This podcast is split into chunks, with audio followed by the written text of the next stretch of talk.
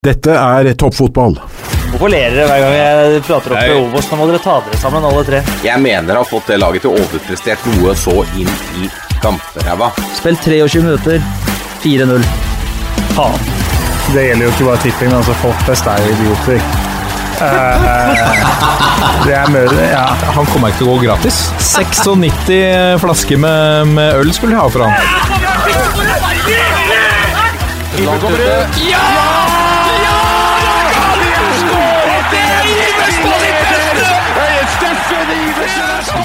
Og der er eh, toppfotball tilbake igjen. Og da går det jo eh, Det går jo litt tid mellom hver eh, episode. I hvert fall har de gjort det nå de siste ukene. Vi har jo eh, Det er jo selvfølgelig en ære og glede å se at vi også kan fostre opp talenter som nå tar steget inn i toppfotballen Ole Martin Nestelquist. Men det etterlater jo også selvfølgelig et hull da i denne redaksjonen. Så vi jobber litt med å fylle litt med litt ulike varianter. Eh, så har vi også fostret opp Lasse Wangstein, som har utviklet seg såpass til han har fått en, en fremtredende stilling i det norske reiseliv. Som gjør at han er mye på farta. Nå skal han, Jeg snakka med han i dag. Eh, da, nå skal han opp eh, til Bergen i morgen og ta imot et skip, sa han. Så det er, eh, det er Det er jo en, litt av en oppgave, eh, klart. Så da har man ikke alltid tid til podkast. Men du og jeg, Jørgen Kjernås, Vi har ikke noe bedre å gjøre. vi er her. Velkommen! Tusen takk for det. Og vi sitter på gullrommet til moderne media, og det må være et godt tegn. Ja, jeg føler vi er oppgradert. Jeg tror jeg har sittet på sølv veldig lenge. har Og sett folk prate om spansk ball og andre typer ball innpå her, så er det endelig gull for oss. Ja, for her er det litt sånn Ja, det er litt sånn La Liga Loca-stemning her, og jeg tror til og med Pyro Pivo er, har vært der, men nå er vi altså inne i det helligste gullrommet, altså. Det er litt tacky her, er det det? Det er klart det er vanskelig for seerne å få inn Men det, det, de har kjørt gulltema ganske gjennomført her inne. Det kan vi vel slå fast når jeg titter meg rundt. Absolutt. absolutt Det ser ut som en slags God kveld-Norge-sending, dette. Det er ikke less is more uh, innpå her. Jeg skal ta et bilde, legge ut på vår, uh, på, på vår Twitter. Uh, Jørgen Kjernås i gullstemning. òg, men, eh, men eh, det er jo eh, for så vidt også litt glimt til gult her også, da. Vi skal vel kanskje gi litt ros til de. Gå litt motstrøms eh, litt, eh, litt etterpå. I Pulsen skal vi snakke om, og vi må snakke om NM. Um, vi skal gjøre oss noen tanker om hvordan det står til så langt i, i Eliteserien og kanskje litt Obos. Og så har det kommet masse lyttespørsmål som gjør at vi både skal ta turen ned i annendivisjon og tredjedivisjon. Følg med, nå er det ukas tulipan og kaktus. Nå må de faen meg skjerpe seg, så kommer jeg å rive hodet av hver enkelt av dem.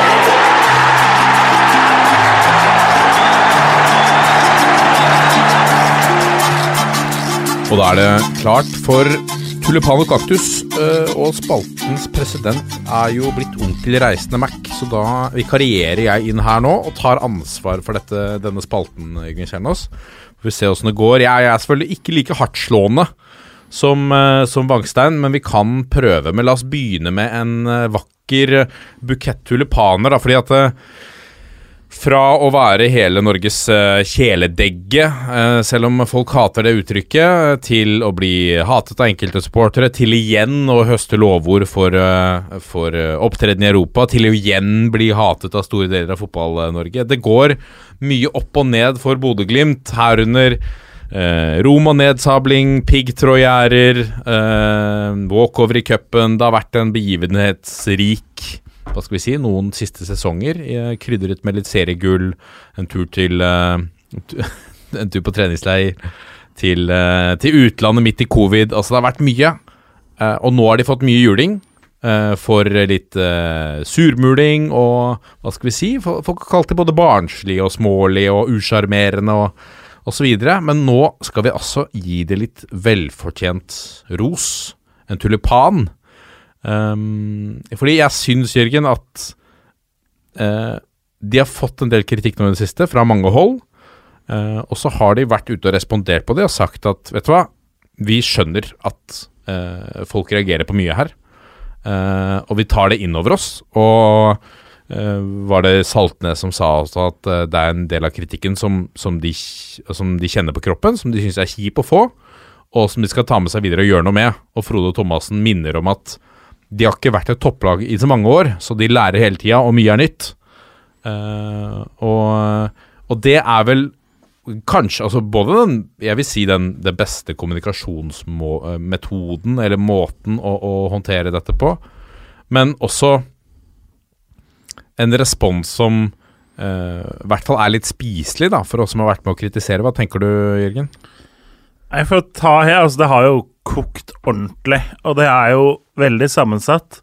Litt av det handler jo om at laget som er på topp, laget som er best, vil alltid være mer utsatt for oppmerksomhet. Det er jo en helt naturlig mekanisme. Så hvis Bodø-Glimt nå gjør noe som ikke er helt perfekt eller helt etter boka, så får det uendelig mye mer oppmerksomhet enn hvis det skjer i Jerv eller Sandefjord eller Sarpsborg. Så det er jo én side av det. Og så tror jeg som altså Nå har de hatt, som du sier, da, tre år egentlig kontinuerlig medgang.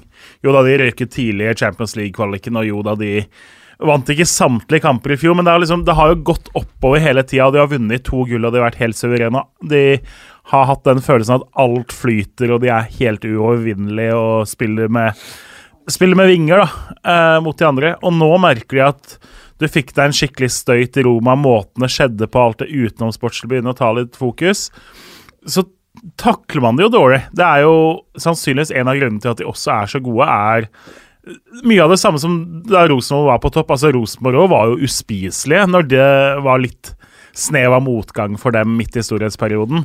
Det er jo ikke akkurat som at alle profilene derfra var elska land og strand rundt etter et uh, tap, uh, det heller. Og jeg, jeg syns jo, altså spesielt Saltnes, som jo egentlig slår meg som et glimrende menneske, sånn i utgangspunktet, har jo framstått som en sånn helt annen person, rett og slett nå. Uh, jeg tror jo litt for hans del, da, som skal prøve å sette seg inn Han, han var skada i fjor.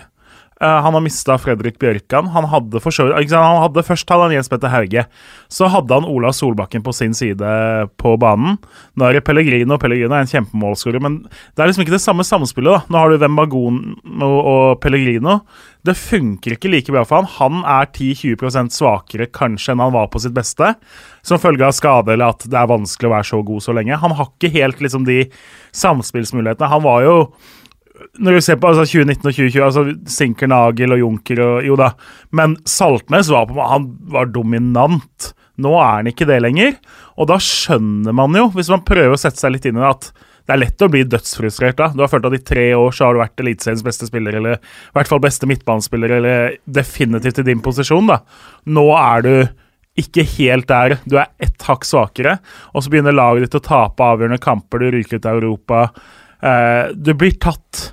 Og så blir de tatt ikke sant, på Folk har jo lurt på hvor, hva skal gjøre for å stoppe Bodø-Glimt. Noen har tenkt ok, vi, vi, spiller sånn som vi alltid gjør, og så taper du 7-2 borte. Noen har prøvd å legge seg ultradefensivt. For så vidt har noen holdt unna, men så har det kommet sånne drømmemål fra 25 og sånn. Så noen har liksom begynt å finne litt. Men nå har det jo vært sånn Er Glimt-koden knekt? Da har en overskrift som var det er å ta det litt langt, men at det, både Rosenborg og Viking og Molde har gjort ting taktisk ganske likt nå, når de har fått resultatet mot Glimt, da, gjør jo at de er nødt til å utvikle seg og finne mottrekk mot det. De må jo ta det et steg videre. Glimt har hele tida ligget et steg foran alle andre, har det føltes ut som, og samme hva de gjør, så klarer du ikke å stoppe dem.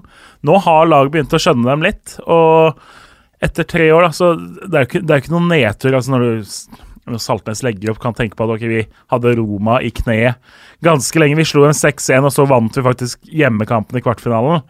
Eh, men når du taper 0-4 etter at treneren din føler at han har blitt lurt inn i en slåsskamp, eller hva man skal si eh, om det der, da så blir liksom hele den utenomsportslige støyen påvirker så, lenge, så mye da, at den negative spiralen, og man, man henger seg litt opp i det. Så jeg, jeg, skjønner litt av det som skjer med Glimt kan forstå det, men det er jo veldig deilig for supportere av alle andre lag å se at uh, det er en grinete Knutsen eller en grinete Saltnes som står i intervjusonen, ikke en hoverende fyr som har, vunnet enda en kamp med 5-0.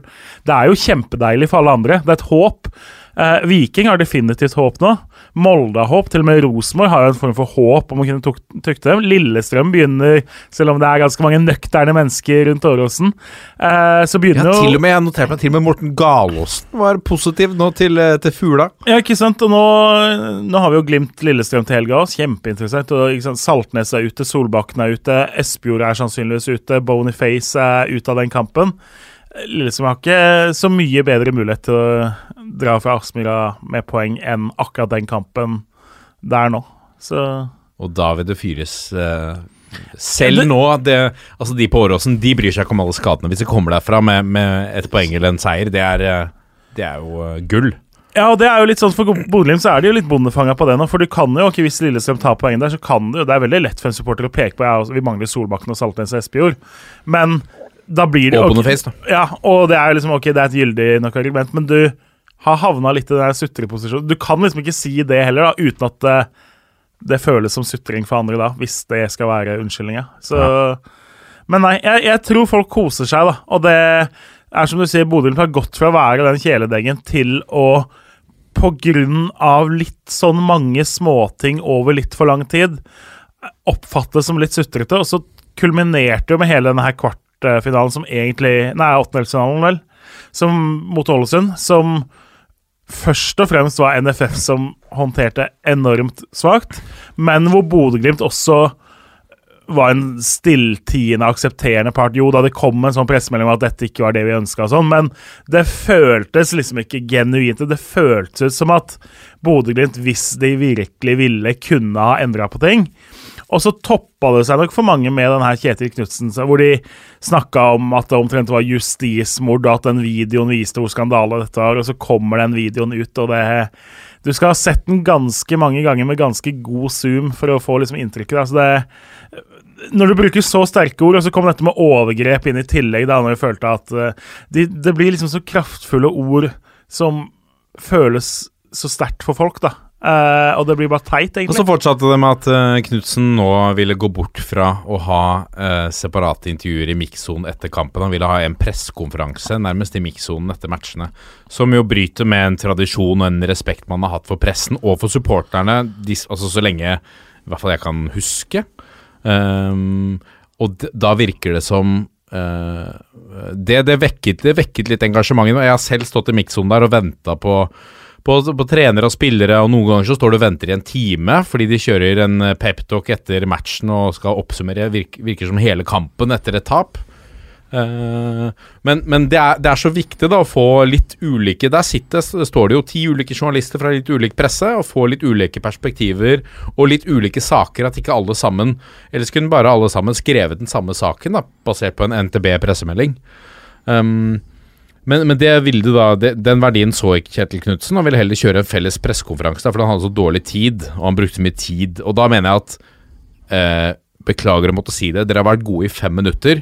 Eh, de som har bygget dere opp, de dere er avhengig av, de dere tjener penger på, de står faktisk her og og journalisten er på mange måter deres utsendte for å skape engasjement og gi dem noe å lese om. Og da gir du rett og slett litt beng i, i, i de som faktisk du er avhengig av for å bygge interesse. Jeg tror, er, jeg tror jeg skrev på Twitter at det er vel første gang i historien at en Bodø-Glimt-trener har bedt om mindre oppmerksomhet rundt egen klubb. Det, det må være første gang i historien. Uh, og jeg skal minne om det, om vi står her og Bodø-Glimt kjemper om nedrykk om fem-seks år. Så skal jeg minne om det at la oss skrive litt mindre, la oss gi det litt plass, litt tid. Det er sikkert det som er eh, løsningen. Så eh, vokt dere. Ikke bli for høy og mørke, det er det flere som har sagt. Men nå Hvordan endte vi med tulipan her, egentlig? Yeah. Godt spørsmål. De, eh, Frode Thomassen var ute, daglig leder var ute og sa og innrømmet at de har gjort noen feil, og de har tråkket litt feil. og og eh, Det jobber de med, og det lærer de av. Og det Ulrik Saltnes også sa at en del av kritikken som har kommet, har jo svidd litt. Og de kjenner på det, og de tar det til seg, og de ønsker å gjøre noe med det. Og det syns jeg er litt fint. De kunne like gjerne sagt at liksom, vet du hva, det er oss mot alle, eller eh, dette er onde tunger, eller folk som eh, prøver å snakke det bort, da, som jeg ser en del Glimt-supportere gjør på Twitter. At man prøver å si at Kjetil Knutsen jobber så mye, så han har ikke tid til pressen.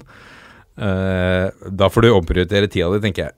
Men en tulipan i denne sammenhengen En oppmuntrende tulipan, i hvert fall. det er litt som da Barack Obama fikk fredsprisen. Du, du, får, du får det for å Vise glimt av noe. Nei, Yes. jeg vet ja, det- Litt lovende ydmykhet, da. Med, med, et, eh, med et håp om at det videreføres litt, at det fører til handling. Skal vi til Kaktus, da, og da skal vi til PostNord avde- avdeling 1, eh, og kampen mellom Vard Haugesund og mitt kjære Ørn Horten. Fordi jeg må si at uh, jeg ble noe bekymra da jeg, jeg Jeg følger jo selvfølgelig Ørn Horten på, på Insta, uh, og ser jo da stories som legges ut der. Og da det, de tok selvfølgelig turen eh, med buss uh, over, over fjellene. Det er vel det du drar når du skal til Haugesund fra, fra Horten. Og så hadde jeg et pitstop rett før der. Og når jeg ser at siste måltid dagen før kamp, på vei over med buss, der sitter altså hele stallen og gafler i seg pizza og brus. Eh, og da tenkte jeg at eh, ok, det er når du først Jeg tenker når du først har tatt bussen så langt fra Horten til Haugesund for å spille match i PostNordligaen du, du gafler ikke, ikke innpå med en pizza og brus, vel, dagen før match. Det lille jeg kan av ernæringstips og råd før hard fysisk idrett, det er å unngå ting med kullsyre, og unngå tung mat. Du kan ha Pasta og sånn helt fint, men, men pizzakjernos dagen før match. Og når vi så Du kommenterte jo til meg før sending. Når, når vi så hvordan Vard så ut versus uh, Ørn Det var eh, kanskje ikke nivåforskjell, men det var tydelig at eh, det var et lag her som orka mer enn det andre. Ja, jeg, om- om vi skal legge skylda på pizza eller Jeg hva, det det. vet jeg ikke. Men uh, det, er, det er vel ingen tvil om at Ørn var et betraktelig svakere lag enn Vard i den kampen. Det var, det var jo ikke overkjøring, men det var totaldominans. Det var det. Hvis du ser på sjansestatistikk og sånne ting, så må den ha vært ganske så klar. Det Ørn hadde vel et, det var et forsøk på noe så brassespark de hadde som var ok, Ja, men det det, var ganske mange sjanser og halvsjanser og muligheter motsatt vei, så Ørn Ditt kjære Ørn så ikke så god ut akkurat den kampen, det gjorde de ikke. Nei, ut med pizza og brus, inn med minestronesuppa, som Arna Førsund eh, inntok her. Det må være løsningen framover. Da får du ta tak i, Arnar. Nå kommer pulsen. Og så har vi kommet til pulsen, og vi eh, skal begynne pulsen. Vi har jo fyra litt så langt uh, i, uh, i denne episoden. Det er litt å fyre seg opp om uh, rundt norsk fotball for tida. Det er veldig deilig at vi er i gang igjen. Og så er det vel første gang i historien at rett etter at cupfinalen er ferdigspilt, så går man i gang med ny NM-runde. Begynner, begynner på nytt der med, med første runde. Um, hva skal vi si? Nå har vi, vi har fått gjennomført en cupfinale. Eh, det er vel det vi kan si. Nå er den gjennomført. Det virker litt som det er det som er følelsen på Ullevål stadion i NFF-kontorene. At man kan eh, krysse av i blokka på at ok, cupfinale gjennomført. Og det virker litt som at det er også status eh, i, på Rikskringkastingen, NRK. Ehm, fordi NM 2021, som nå kulminerte i en, i en cupfinale spilt i 2022 eh, under 20 000 mennesker på, på Ullevål stadion. Det har vel ikke skjedd siden 1993, eller noe sånt? Jeg var det ikke enda lenger, men ja, det var lenge siden. Og da de gangene det har vært færre, så er det stort sett fordi det har vært ombygd Ullevål og sånn ganske ofte, da. Ikke sant? Uh, og da vil man tro at ja, men eh, da satt sikkert hele nasjonen og så på TV. Nei, det gjorde det ikke. På NRK, som absolutt alle har tilgang til gratis, var det hele 281 000 mennesker som så cupfinalen. Det er vel en fjerdedel av uh, de som ser på Nytt på Nytt, uh, vil jeg anslå. Uh, og der er, der er interessen, altså.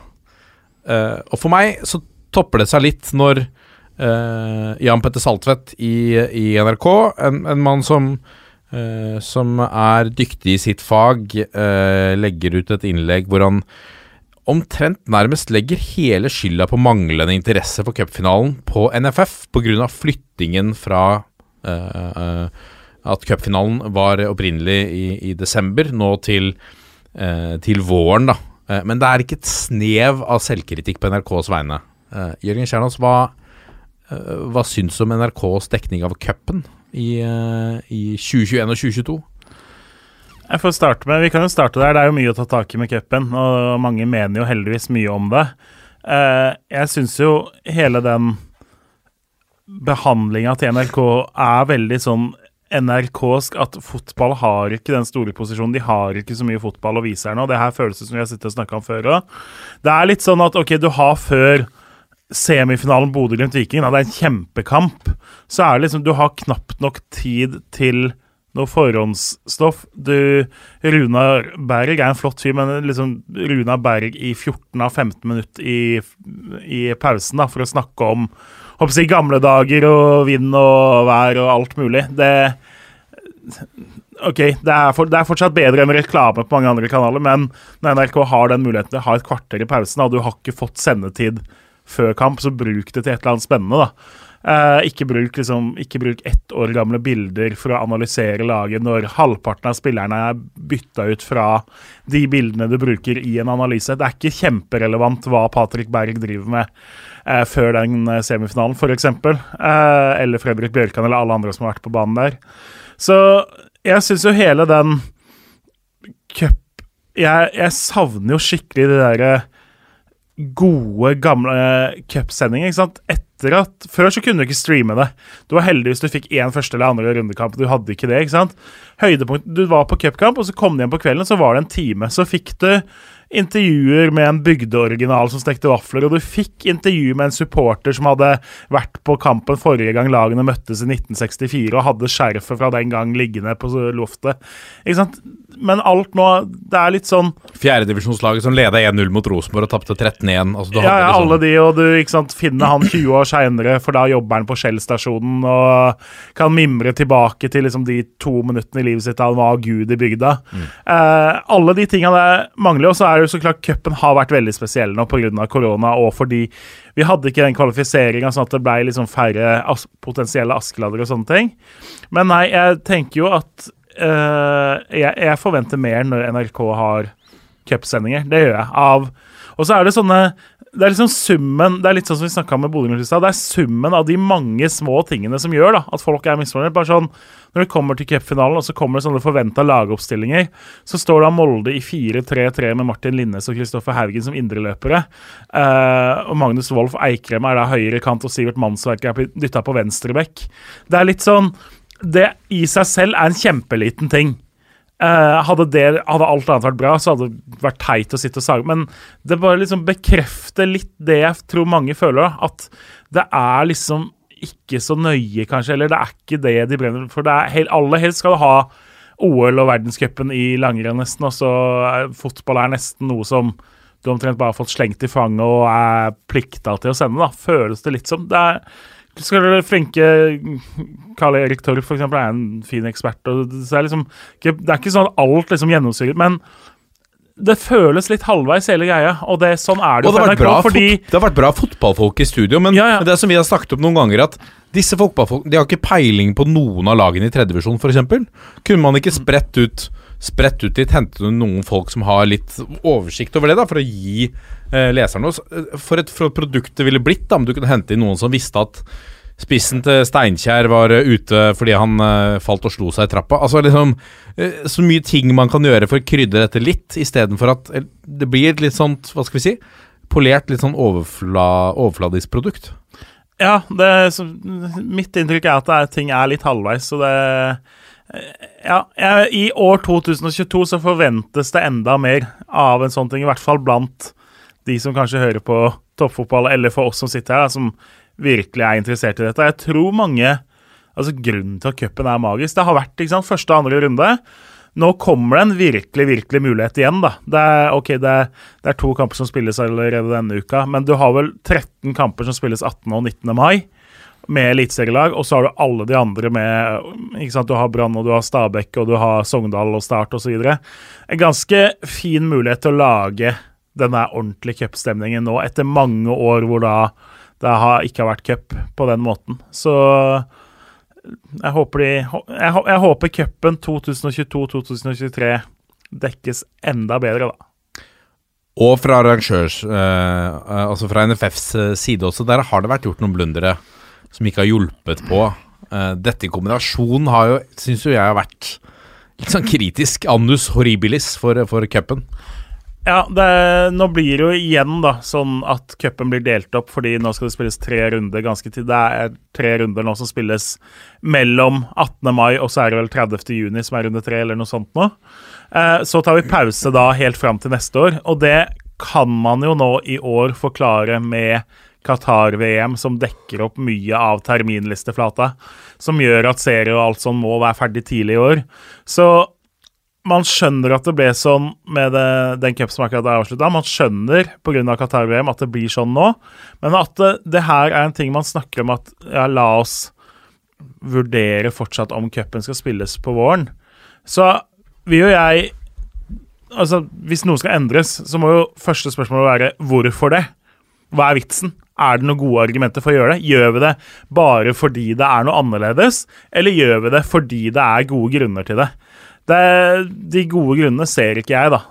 Det eneste er at man skulle forvente at Ullevål-matta er OK, men ikke engang gressmatta på Ullevål nesten var OK. Og så ser du Jo da, så er det dumt at det blir 1. mai, men liksom Arne Larsen Økland, som er visepresident, står og deler ut. Det er fint nok det når da vi veit at fotballpresidenten er på noe obligatorisk kurs, men så står, liksom, så så landbruksministeren der. Altså, vi har ikke kongefamilien, vi har ikke statsminister, vi har ikke engang kulturministeren, for de er opptatt med 1. mai. Så det er liksom, det er landbruksministeren. Det, er litt, det ser ut som de har sittet i statsråd, og så har de trukket lodd mellom eh, da de som ikke er Ap-statsråder, som må på 1. mai. Hvem, hvem må på cupfinalen? Får du det korteste loddet, så, så, må du dra dit eh, og bruke to timer av, onsdag, nei, av søndagen din på det. Så veldig sånn halvveis hele greia der. Kunne ikke brukt, altså Hadde de sendt Ingrid Alexandra? Da Ja. hun var kanskje busy med resten av kongefamilien. jeg, jeg jeg, vet vet ikke helt hva, holdt på å si, hva Altså, kongefamiliens timeplan har jeg ikke full oversikt over. Nei. Jeg har jo inntrykk av at vi har en veldig idrettsglad konge som gjerne er på cupfinalen, og da får vi regne med det er gode grunner der. Men det viktigste i all den her eh, diskusjonen om når skal cupfinalen spilles, viktigste erfaringa er jo definitivt at vi kan ikke ha en cupsemifinale halvannen uke før cupfinalen. Og vi må tenke på tidspunkt, fordi det er en stor sjanse for at det kommer folk fra Trondheim, Molde, Bodø, Tromsø, Ålesund eller Bergen eller Stavanger som vil til Oslo. Det kreves litt å flytte mange tusen tilskuere fra et annet sted i landet og inn mot Ullevål.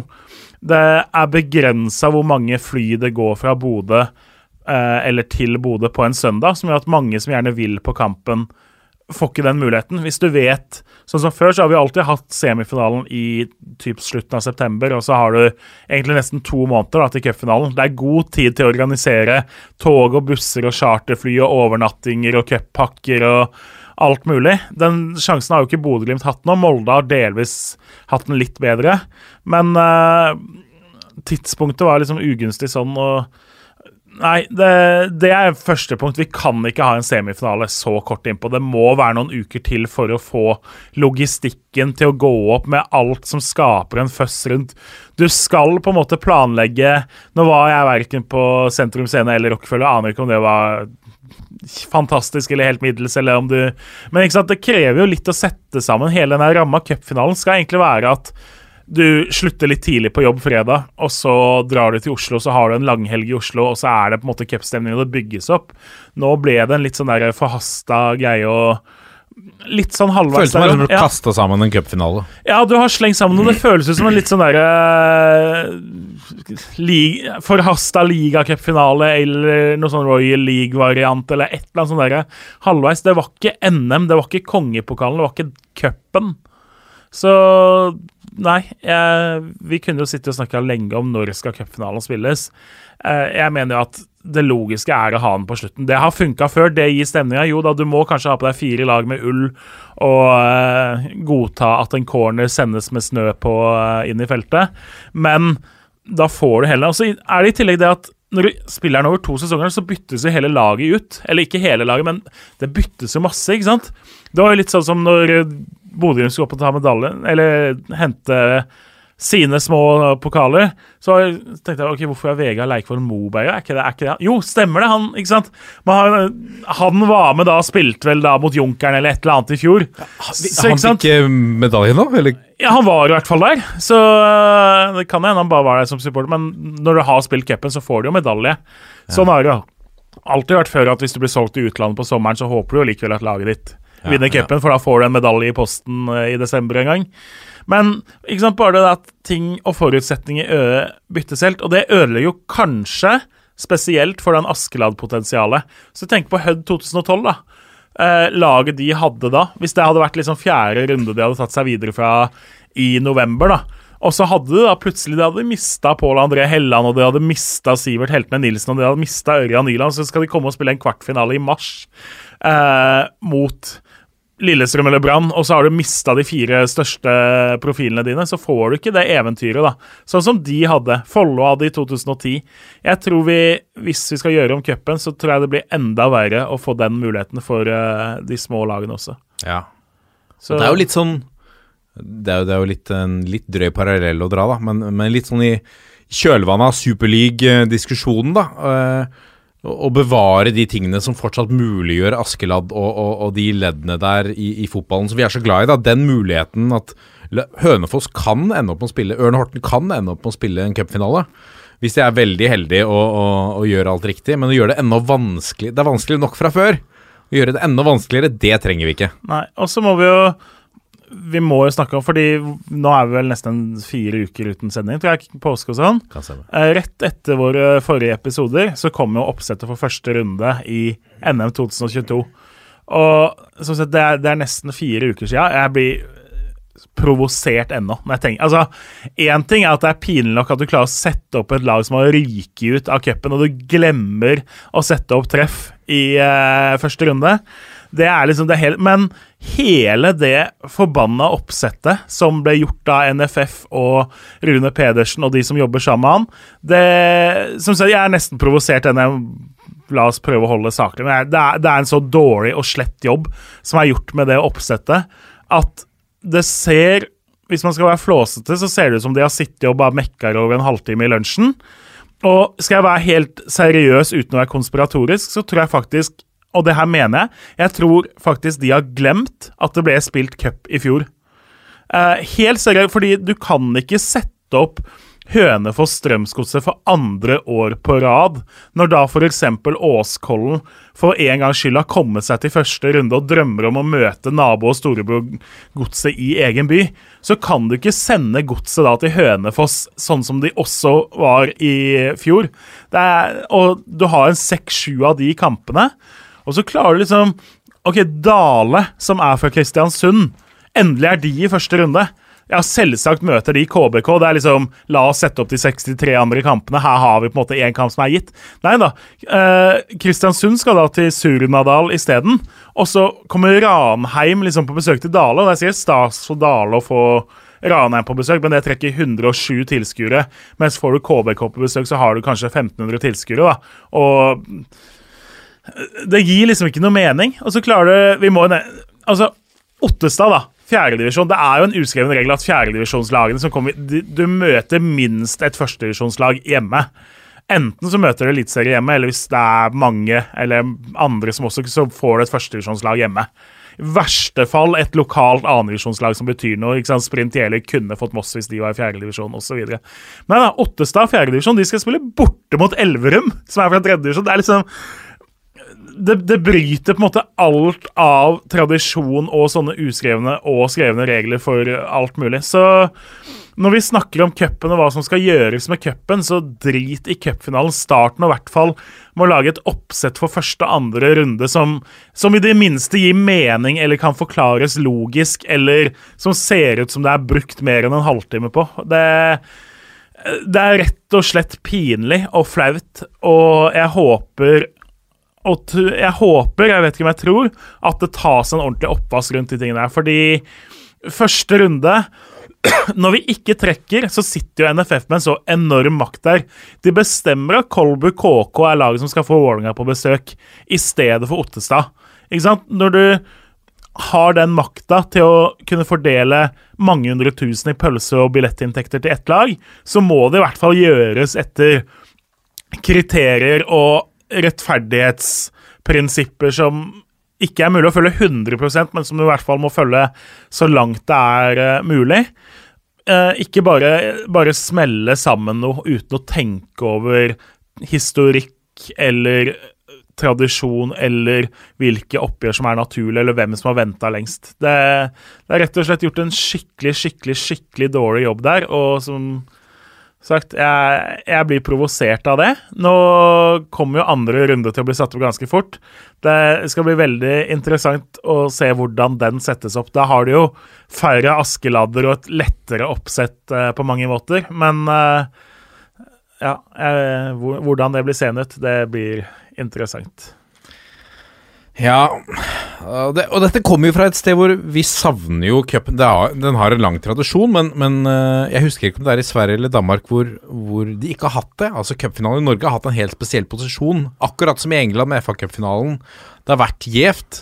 Uh, uh, hvis, hvis ikke vi skjerper oss nå, eller uh, de som trenger å skjerpe seg, skjerper seg, og evaluerer om hvordan man faktisk kan gjøre denne cupen bedre, ikke flytte fordi det er moro å flytte på ting, så, øh, så risikerer vi å miste en turnering som er veldig viktig for norsk fotball. Altså én av to. Den vil aldri være så viktig som Eliteserien, men, men det er et Det er noe som holder liv da i, i hele seriesystemet, syns jeg. Um, så Nei, uh, opp av øh, strutsehullene og ta imot Gjør som Bodø-Glimt, ta imot kritikk. Og gi beskjed om at vet du hva, denne traff, det tar vi med oss. Vi skal evaluere videre, forsøke å bli bedre. Det har vært Altså, fint. Litt men- grann selvkritikk har vært fint fra Ullevål stadion også. Og så må jeg bare beklage, for det her blir jo en sånn sutreepisode, det hører jeg jo selv, men jeg håper det gir mening òg. Det er ikke sutring for sutringas skyld, det er jo fordi vi faktisk brenner for det, og Og er litt bekymra. Og, og det skal liksom ikke så mye til, da. Nei. For løftet, ikke sant? Det er ikke så vanskelig å sette opp første runde i cupen. De har NFF-kontoret i alle fotballkretser. Der har du folk som har Er du i tvil, da? Om hva som er best å sette opp i Nordmøre, så ta nå en telefon.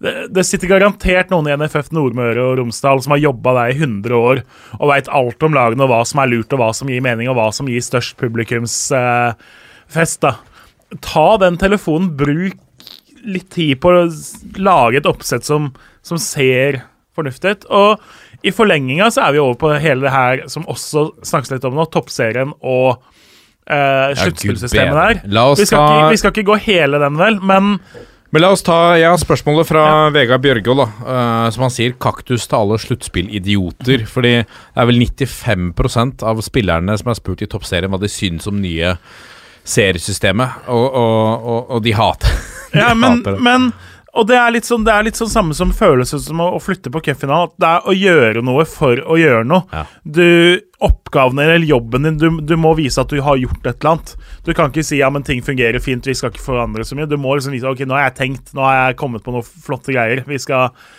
flytte på cupfinalen, eller vi skal ha sluttspill med topp fire, og det skal ikke poeng videre. og Sånn som jo forslaget var først, så kunne jo det laget som topper førstedivisjonstabellen halvveis få plass i Champions League. Ja. Det var liksom det originale forslaget, og det ble bare endra så vidt. Eh, eller Det var nesten at det liksom gikk gjennom at det skulle bli systemet. da Sånn at Hvis Åsane vinner førstedivisjon dame halvveis, så kunne de egentlig gå til Champions League foran Rosenborg eller eh, Vålerenga, hvis de blir nummer to. Så Det er som de sier, de føler at de spiller en haug med treningskamper. ja, det, ja, men det er jo det. Eh, laga som veit at de ikke ender topp fire, har kamper helt uten betydning. De spiller ikke om Erik ennå. Det skal de gjøre seinere. Det er samme om du blir nummer fem eller nummer ti. Det er samme om du har 40 eller 0 poeng, fordi alt nulles ut. Så det er treningskamper. Det er, det er kun de Altså, vi har fire lag som alle regner med ender topp fire. Og så har vi ett eller to lag som har et snev av håp om å utfordre dem. Men det fins fire-fem lag i toppserien som egentlig da spiller treningskamper nå i nesten hele sesongen sin.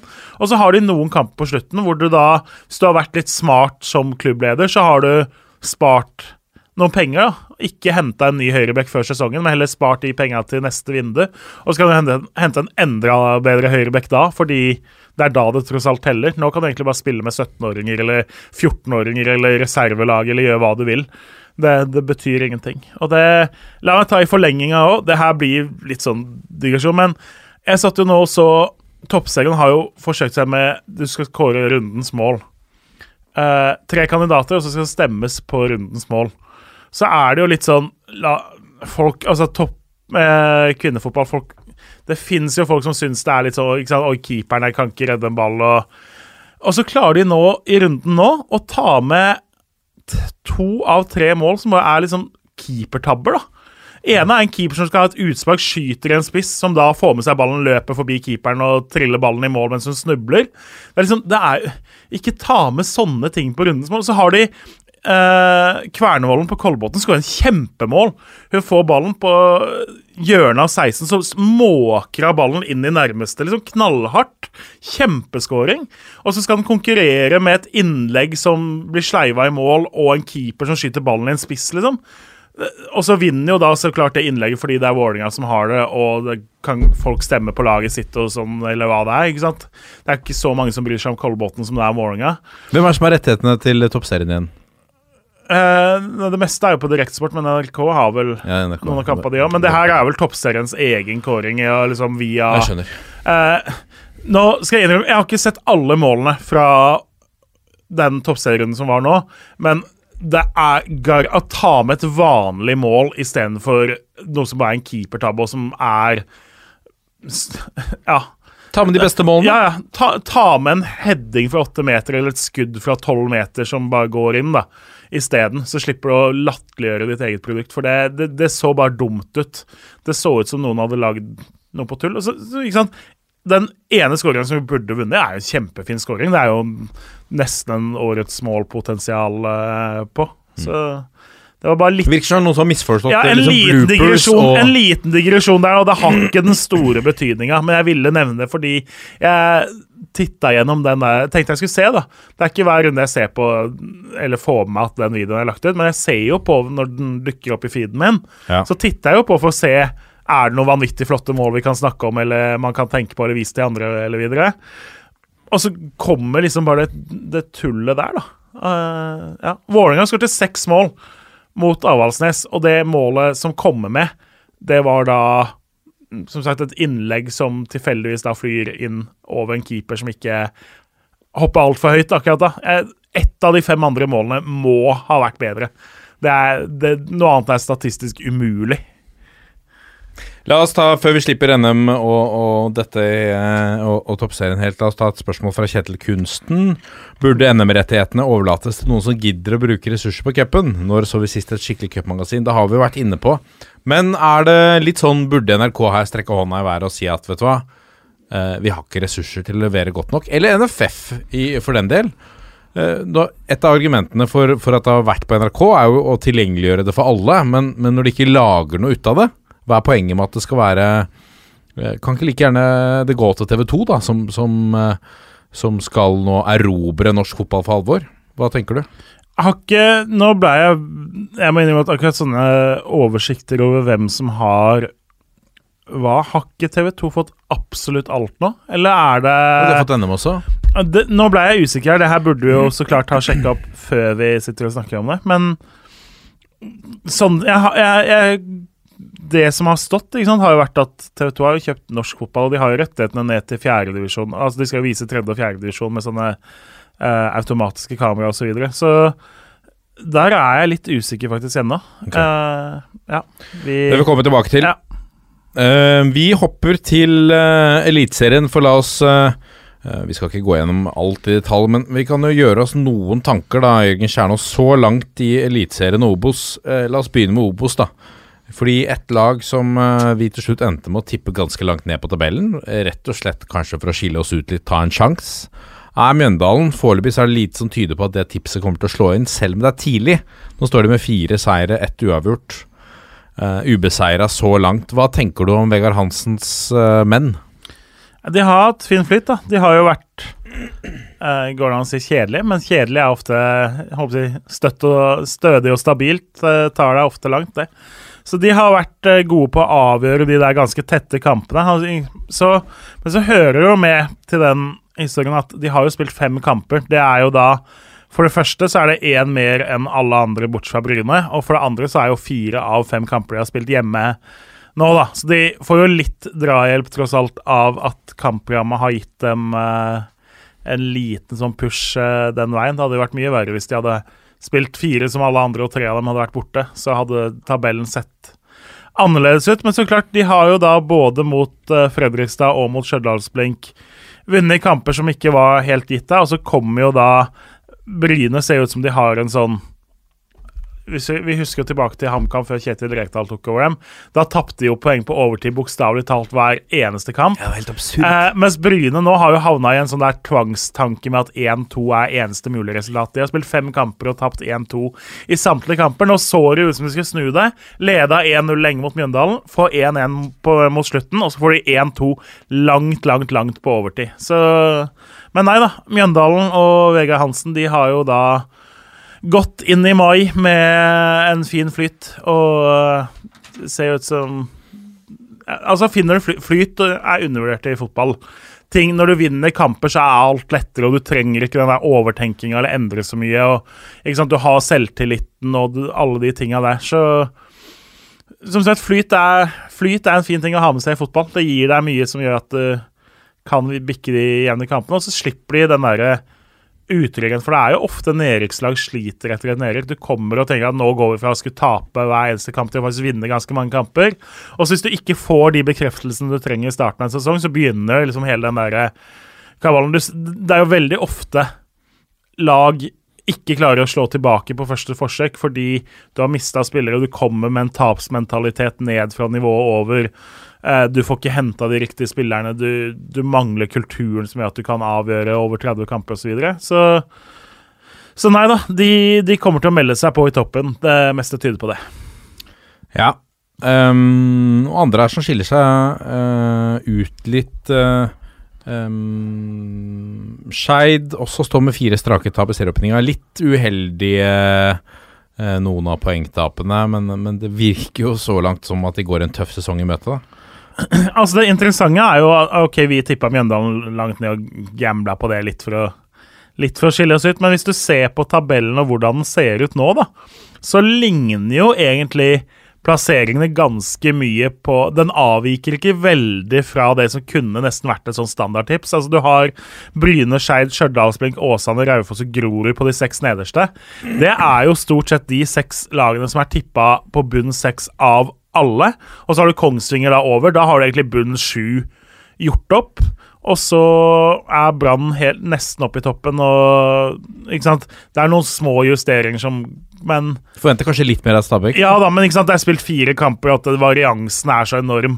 Ja. At, uh, så jeg syns egentlig det er oppsiktsvekkende hvor mye den tabellen ligner på Hvis du ser på vinneroddsen, da. Hadde du bytta plass på Mjøndalen, som ligger på første, og Brann på tredje, og så hadde du dytta Stabæk fra sin sjuendeplass opp på en eh, Bytta plass med dem og Sandnes Ulf eller K5, da, så har du nesten liksom den der vinneroddsen eh, nedover, så hvordan den så ut. Og det når du har spilt så få kamper, så er det veldig sjelden det skjer egentlig i hvilken som helst liga. Det er alltid ett eller to eller tre lag som får en som overpresterer eller underpresterer mye mer enn det her, som regel. Så Ja.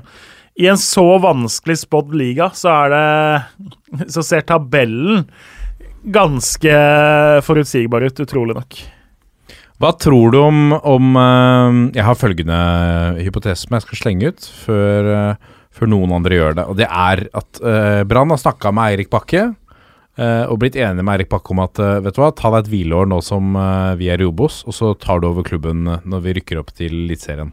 Hva tenker du om, eh, om den planen? Realismen i dette. Erik Ollam vil ikke være trener, det vet vi. Han har likevel signert forlengelse. Han går over en slags sportsleder- eller assistentrolle. Eirik Bakke inn der. Det føles som skrevet i stjernene. Det er ingen andre liksom, åpenbare innganger for Eirik Bakke akkurat nå. Og hvilken jobb skulle han ville ta? Ja, men er det Jeg vet ikke. Brann, det er jo litt skal, skal du opp i Eliteserien, og så skal du gjøre det, og så skal du si at nå nå ansetter vi Eirik Bakke Ny som giv, eh, ikke sant?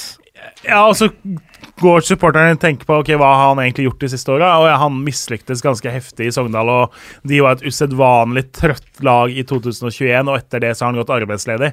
Jeg tror ikke det blir noe fest i Bergen av det, i så fall. Det, jeg skjønner linken med ok, Er det fest i Bergen de trenger? Ja, det, det kan ja, Så lenge, så lenge ikke nachspielet varer for lenge, så Ikke. Men ikke sant Eirik Nei, jeg vet ikke. Jeg er ikke helt solgt på om det er det som skal til for okay. Det- ja, du hørte det jeg, først her. Jeg, jeg skjønner linken med at han har spilt der, og han er arbeidsledig og alle de tinga der, men uh, ofte Det er jo vel større sjanse for at Nagel Jacobsen ser mot Danmark, sånn som han veldig ofte har gjort med spillersigneringer. Jeg, jeg tror heller at neste Brann-trener har dansk pass enn heter Eirik Bakke. Det tror jeg. Eh, Sogndal, da. Tor André Flo. Første jobb som A-lagstrener. To, eh, to seire, to uavgjort så langt. Må være godkjent start. Ja, og så har de Det som er litt kult, er at de sant, Sogndal har henta veldig mye. Det var, det var mye endringer. Det var ikke helt lett å se alt de prøvde på med Eirik Bakke på slutten her. Nå gjør de ok, hva gjør de? Vi henter en unggutt ingen har hørt om fra Stryn, og så dytter vi han rett inn på laget, og så ser, det, ser det kjem- kjempespennende ut. Eh, så henter ikke sant, Ulrik Mathisen, kommer for lån fra Lillestrøm, har vært et lyspunkt for dem, vært god. Andreas van der Spa var avskrevet, var god som eh, midtbanespiller. Litt uvant rolle for han da i Arendal i fjor. Kommer tilbake og er kjempegod som stopper, da. Så Flo har på en måte satsa litt på noen nye hester da, i forhold til hva Bakke gjorde. Fått OK uttelling for eh, det. Og det er i hvert fall Det er, det er ikke lysende i Sogndal, men det er kanskje litt mer håp enn det det var i fjor. For i fjor så virka det som at det var ganske dødt til slutt, og litt sånn likegyldig. Man klarte aldri helt å pushe på å se ordentlig god ut, rett og slett.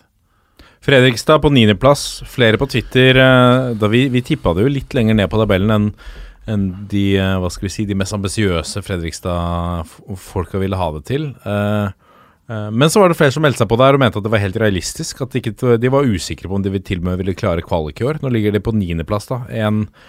Én seier, to uavgjort, et tap. Er, de, er det som forventa i plankebyen? Ja, og så er det jo litt sånn eh, Da er vi på marginen igjen med Mjøndalen. Da, ikke sant? Eh, Kjelsrud Hansen setter en kjempesjanse utafor, og så ender det opp med tap der. Det, men jeg så mye av treningskampen deres her mot Odd. Det var heller ikke noe Der mangla de en del, da. Men de viste vel kanskje litt òg der at den voldsomme bredden i stallen som de kanskje hadde enda mer i fjor, eller til og med opprykkssesongen, det mangler liksom noe med at man følte veldig ofte at i 2020 og 2021 så kunne du egentlig bytte inn på en 3-4-5 mann, og de kom inn og skårte. ikke sant? Michael Nieves var jo omtrent toppskårer i andredivisjon, selv om han knapt nok starta en kamp. Uh, helt ekstreme tall med, i den opprykkssesongen. Spilte, liksom, spilte 20 minutter per kamp, men skårte mer enn alle andre spillere fra alle andre lag. Nå får man liksom se Der mangla de Kjelsrud, og de mangla Solberg blant annet, og Ricky Alba er ute. Da, da mangler du veldig mye. Du har, da er ikke de noe topplag lenger. Så de er enda mer avhengig av de førstevalgene sine enn før. Uh, synes jeg. Syns ikke, som sagt, syns ikke bredden er like god. Man, så mangler jo da han Ishmael er borte. Det, det mangler det lille ekstra der, er fortsatt inntrykket, sånn som vi snakka om da vi skulle tippe tabellen. Ja. Skal vi hoppe videre på Eliteserien? Ja. Uh, vi tar et spørsmål fra Anders Hansen, som sier Massive Sandefjord. Tanker sikter vel til eh, 0-5 der på gamle gress mot, uh, mot godset sist. Altså det Går vi mot en ny, en ny sesong hvor vi har undervurdert Sandefjord, og de virkelig kan eh, prestere?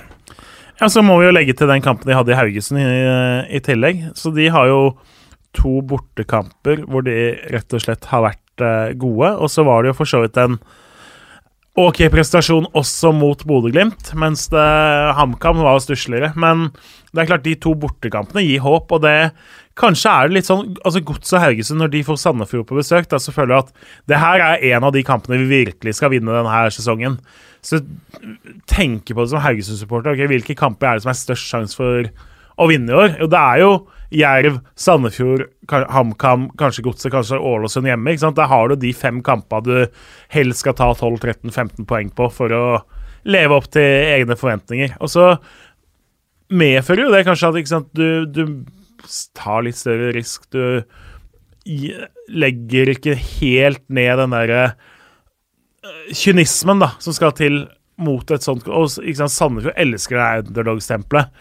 Og har jo igjen da klart å få god uttelling fra kantspillere som eh, som er avskrevet andre steder. Sånn som at Nå skårer off-key eller hat trick, og så hadde de Ruud Tveter som rett nok er spiss. Altså, Ruud Tveter hadde en OK sesong for Sandefjord i fjor, men at han skal skåre hat trick i serieåpner, og så kommer off-key som da har vært helt gjemt bort i Sarpsborg og skårer hat trick i Drammen De løste jo Vi kan jo pense over fra Sandefjord og over til Godset.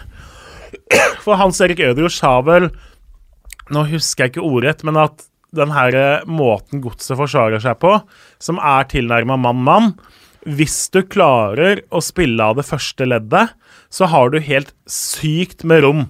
Du har kjempemuligheter til å skape masse mot uh, Strømsgodset, så lenge du kommer deg forbi det første leddet. Og det er det åpenbart at, godset, nei, at Sandefjord hadde tenkt veldig mye på, sett og studert veldig mye av godset.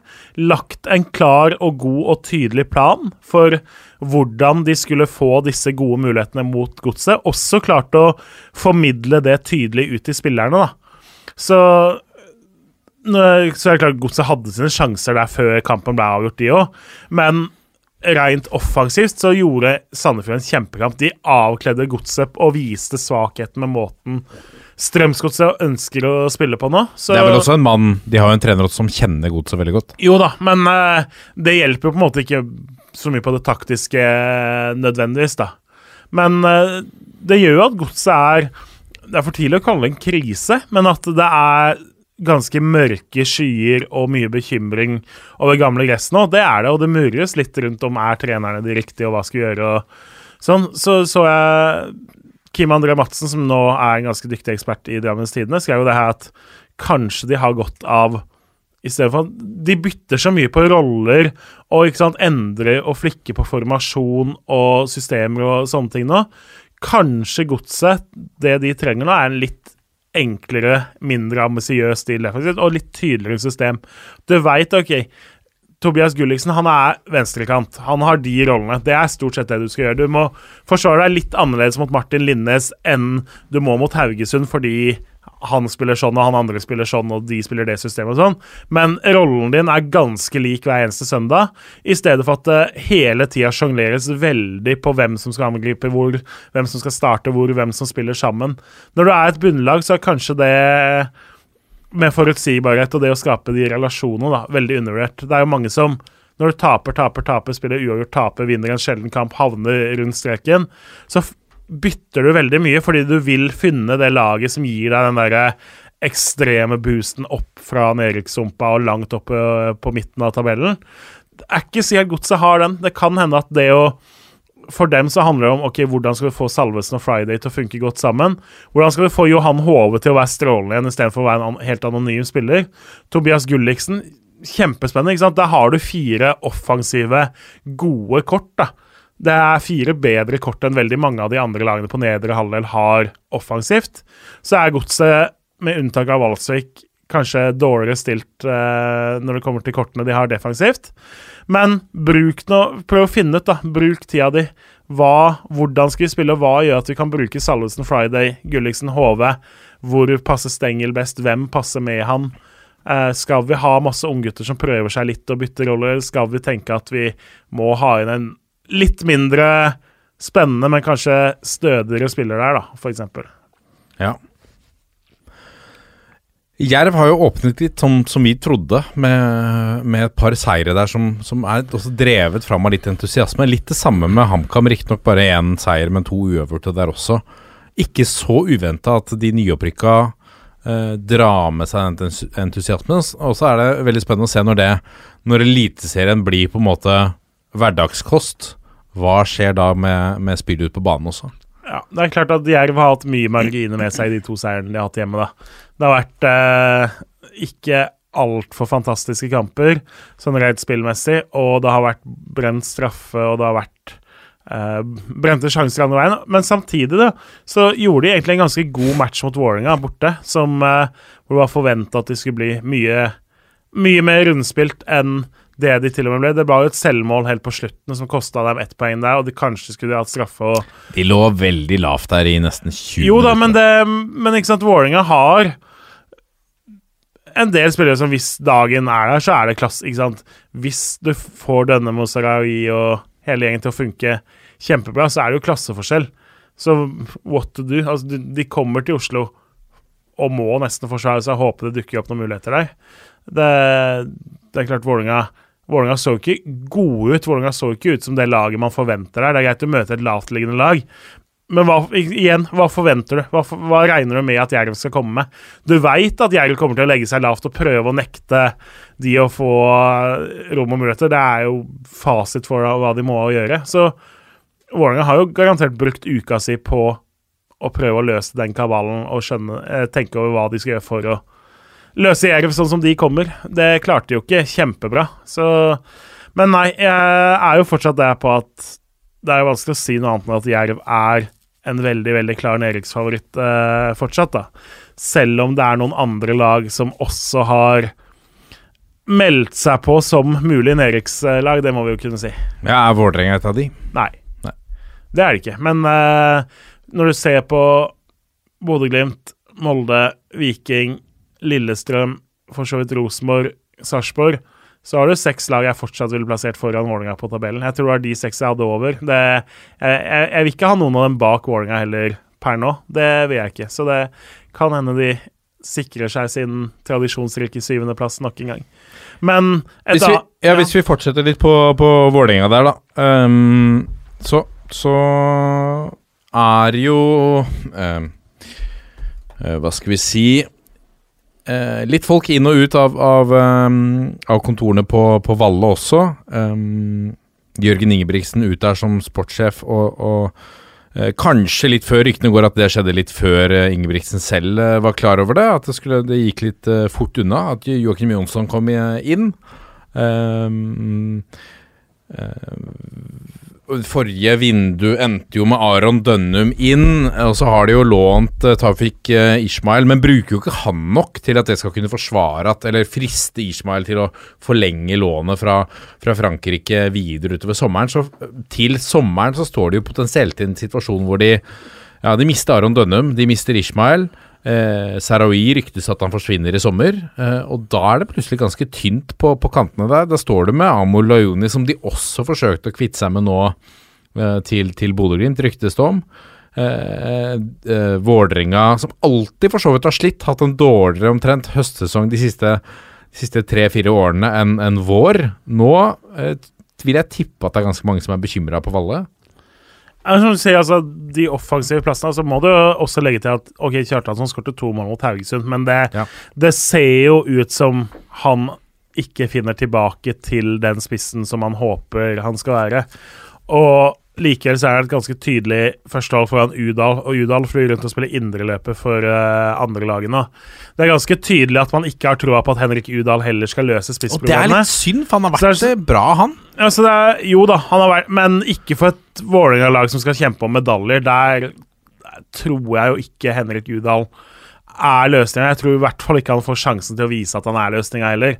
Så sånn som du sier, det ligger jo an til at Jonsson må diske opp én, to, kanskje tre offensive kort i uh, sommervinduet da, for at Vålerenga skal være konkurransedyktig. Så det er definitivt sånn at han skal få lov til å jobbe for lønna si uh, den første tida her, og identifisere de spillerne som kan heve Vålerenga og tette de hullene som du sier som sannsynligvis kommer til å oppstå i uh, sommer. Ivan Nesberg forsvinner nå mest sannsynlig til, eh, til Hellas, var det ikke det? Jo, eh, Paok, som vel var rykta der, at, eh, og Fagermo har vel gått ut veldig og sagt at Igjen nå, da, at han forsvinner nok. Så om det blir Paok eller annet, det gjenstår jo å se. Men Er det Brage Skaret inn der, eller er det, tror du fortsatt på islendingen? jeg syns ikke han har vært veldig imponerende. Eh, og som Skaret har kjempetalent, men skal han rett inn, er det det på en måte Fagermo kommer jo inn, og ok, alle disse unggutta altså, Nå er jo Brage Skaret blitt 20 år og er, er fortsatt en spennende stopper. Jeg vet ikke helt. Det, jeg tror jo Vålerenga, når de tenker ok, Nesberg ut, Tollås er litt på oppløpssida i sin karriere, ikke helt der lenger. Det ligger jo veldig i kortene at man må også ut på markedet på den posisjonen. Eller kommer til å bevege seg ut på markedet der. Ja. Ehm, la oss gå videre da til uh, Riktignok med fem spilte kamper, Ålesund plassen bak Molde på, på tabellen så langt. Uh, hadde vi snakket med de før sesongen, så hadde de nok takket ja til akkurat det. Uh, hvis vi uh, skulle snakket om ferdigspilt serie. Hva syns du om Ålesund så langt? Jeg syns vi ser at Lars Arne Nilsen er en rutinert rev, rett og slett. Han har jo bytta en del både formasjon og spillere og testa litt ting. Eh, Isak Mete har jo vært en av de store åpenbaringene så langt, som eh, venstreback. Etter å ha vært mest høyrekant så langt i Ålesund-karrieren. De har evna De evna å ta Odd litt på senga i bortekampen i Skien og utnytte litt at Odd nå dytter mye spillere opp og litt sånn flytter dem rundt, og klarte å ta dem ordentlig på kontringer et par ganger.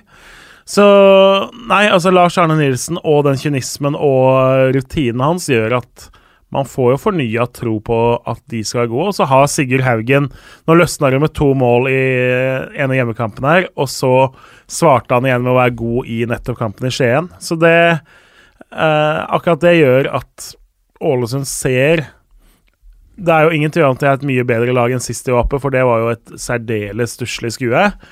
Og jeg tror fortsatt, som vi meldte før sesongen, at Ålesund er et lag som kommer til å greie seg. Det blir ikke en fantastisk poengfangst, men uh, de har mye bedre sjanse enn tre, fire, fem av de andre lagene per nå til å berge plassen. Ja, og så uh, Vi rekker ikke å snakke om alle. Nei, vi, må snakke om Haugesund. Ja. For det, når vi da sier at det er en tre, fire, fem lag som er dårligere enn Ålesund, så er Haugesund nå definitivt blant de. Vi var jo litt usikre på dem, og det var mye? Det er mange ut. Det har vi snakka om før, at nå Velde har forsvunnet ut, Sandberg har forsvunnet ut, Waji forsvant i sommer, Desler forsvant i sommer, Tidemann forsvant nå. Det er fem særdeles viktige spillere. De henter litt sånn ymse. Det, det ser ut som de har bomma ganske mye. Altså, de har jo Både han her Gong og Eskesen på kantene ser jo ikke ut som spillere som skal være forsterkninger. Det skjønte vel kanskje litt selv òg, når de også har henta inn andre i posisjonene deres. Sånn som at Njai kom inn på slutten, var jo et ganske tydelig tegn på at de ikke følte helt at det de hadde der, uh, allerede var godt nok. Det bytta litt sånn på uh, De har liksom ikke helt funnet ok, hvem skal løse det offensivt. Hvem er spissen? Hvem er indreløper? Skal Terkelsen være her, der skal, ikke sant? De, de har måttet bruke mange på høyrebekken, blant annet, og det har kanskje kosta litt fra at spillere som kunne heva dem på andre posisjoner, ikke har fått spille der, blant annet. Så Haugesund er inne i en sånn skikkelig, skikkelig dårlig stream nå, og det begynner jo å snakkes litt om altså, Jostein Grindhaug. Er det, er det han som faktisk skal snu det igjen, eller hva gjør de? Blir det Kan det bli trenerendringer der? Det jeg, jeg syns de ser ut som et lag som mangler litt kvalitet offensivt i forhold til en del av de lagene du må sammenligne deg med. da. Altså ser du, Nå snakker vi om Ålesund, da. ikke sant? Ålesund har da Haugen som har begynt å levere. De har Bolka Nordli på benk. De har noen poengplukkere flere steder i laget. HamKam har Eriksen og de har et par andre som har levert stødig. De rutinerte der drar det fram. Haugesund er litt sånn lederløst, litt profilløst, litt for ungt, kanskje sammensatt stall. Chris og Safaris da står Sa litt fram nå. Safaris har vært et av veldig få lyspunkter der, det er jo ikke noe tvil om. Men stallen som helhet Og har hentet Søren Racet, som skal være leder er, Og du har Søderlund som er men det er mange spillere som har ganske få eller ingen kamper på øverste nivå, og ganske få år på denne jord bak seg, da, som skal dra store deler av lasset. Jeg syns ikke jeg syns ikke den stallen er godt sammensatt eller optimalt sammensatt. Det tror jeg nok de har begynt å erkjenne selv. Så Haugesund, når vi skal begynne å tytte fram mot neste overgangsrunde, som fortsatt er lenge til, de har en ganske stor ryddejobb å gjøre, ser det ut som uh, der. Ja. Og så må vi ta Vi burde tatt mange. Vi burde tatt Odd. Vi burde snakket om 08, som jo ser loven ut. Altså vinne 5-2 på Alfheim, det det er sterkt uansett uh, hvordan du vrir og vender på det. Men vi, vi, må ta Viking, ta for oss Viking og Lillestrøm før vi går videre. Um, Viking, en av de som Altså, hva skal vi si En av de argeste tittelutfordrerne spådde vi før sesongen. Det vi ser foreløpig, er en by og en klubb uh, og et lag som fortsetter å vokse og ta steg. Um, nå litt overraskende bak Lillestrøm, kanskje? Jo da, vi kan starte med Viking. De har vi jo snakka mye om. og det, det som også imponerer deg, er jo breddene. Så? Nå kommer ok, Harald Nilsen Tangen er jo ikke noe breddespiller, for han starta det meste i fjor. Men litt skuffende start på sesongen, og så en kamp på benk, og så kommer han inn og er fantastisk mot Haugesund. Sebastian Sebulonsen, som jo er en potet, og som jo også spilte ganske mye i fjor, men Han starta jo sesongen med å bli sendt på utlån til Mjøndalen, og så kom han tilbake og spilte ganske mye fordi Bjørsvold trøbla. Nå plutselig er han over på venstrebekk mot uh, Bodø-Glimt og er kjempegod uh, på venstresida. Så spiller han litt indreløper, og så spiller han litt høyrebekk. Han er jo sånn som Fredrik Torsteinbø, at du er god, og du kan dytte han inn i haugevis av formasjoner og uh, posisjoner. Så har de jo så klart Så igjen, som vi har snakka om før, altså Berisha og Tripic, da. Det er jo to spillere som gjør at du fra, går fra å være en medaljekandidat til å være en gullkandidat. Og ikke minst hele den derre flyten og stemninga. Og det er en sånn positiv stemning og en sånn god hype, og dette skal man være med på, og positive liksom, aviser og positive supportere og positiv by og Alt bygger jo opp under at det skal gå fint for Viking i år, da. Sterk assistenttrener. Ja, ikke minst Meget så har de henta fra en solid podkast til trenerbenken. Yes.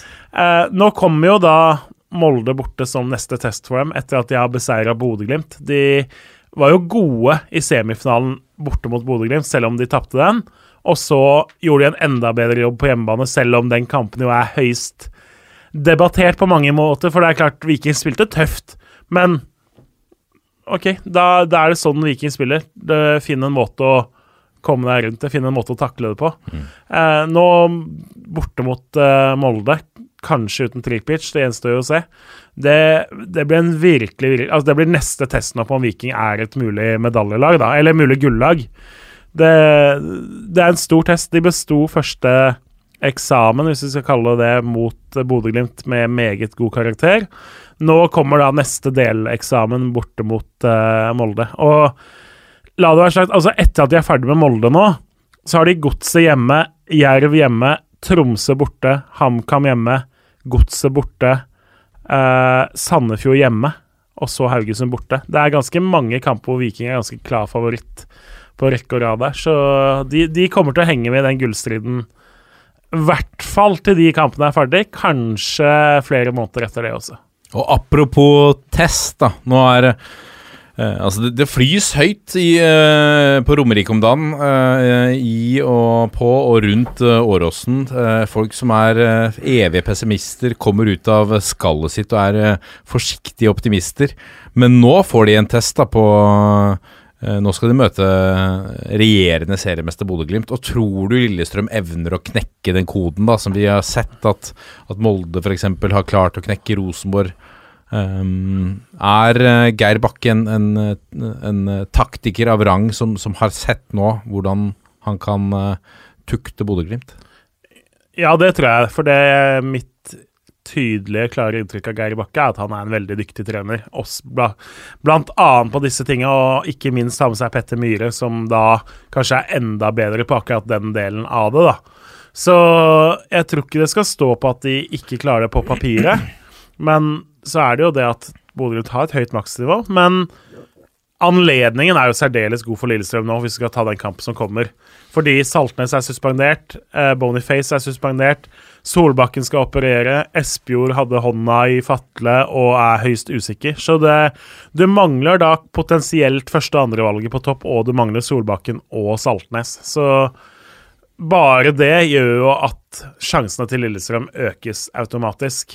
For det OK, så kommer Komson og Konradsen eller Sondre Brunstad Fet inn. Det er også spillere som har prestert, men Saltnes Solbakken er tross alt to ganske vitale deler av det Glimt-laget. Og som du sier, Lillestrøm nå, de har Alt har jo ikke vært strålende. Det er jo ikke som at Haugesund-kampen som de vant 1-0, blir noen sånn lærebok i hvordan spille fotball. Men de vant på en ikke altfor god lag, dag. De holdt nullen. Eh, de slo Molde borte i en kamp hvor ikke så altfor mange hadde troa på dem, og viste en enorm moral.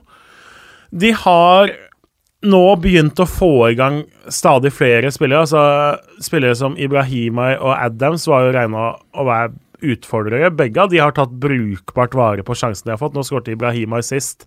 Adams hadde et par starter etter at han skårte her to ganger. Så og det defensive, når du ser jo når Tom Petterson kommer tilbake nå mot Ålesund, at eh, i tillegg til Ogbu og Mats Christiansen, som er to klassespillere Altså Tom Petterson også er en klassespiller defensivt som kanskje ikke er snakka nok om, som kanskje er litt undervurdert, som kom litt sånn ikke sant? Det kom en svenske fra MLS på tampen av karrieren. Det er ikke noe som gjør folk veldig hypa rundt om du Tom Petterson høres ut som sånn football manager-generert navn, ikke sant?